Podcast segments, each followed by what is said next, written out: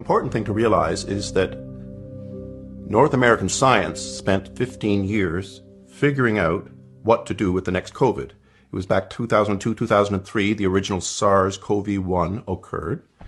And so all sorts of experiments went on to determine what would be a useful response were something similar to occur. And the research was done. It was research was all done by 2015, 2016.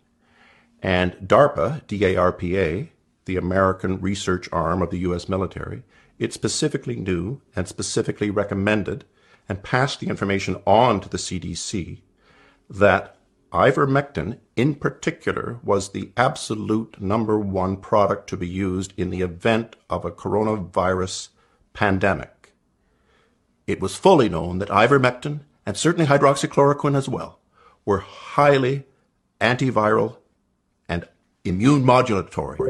And those two things were the key to modulate the immune response plus to be antiviral as well.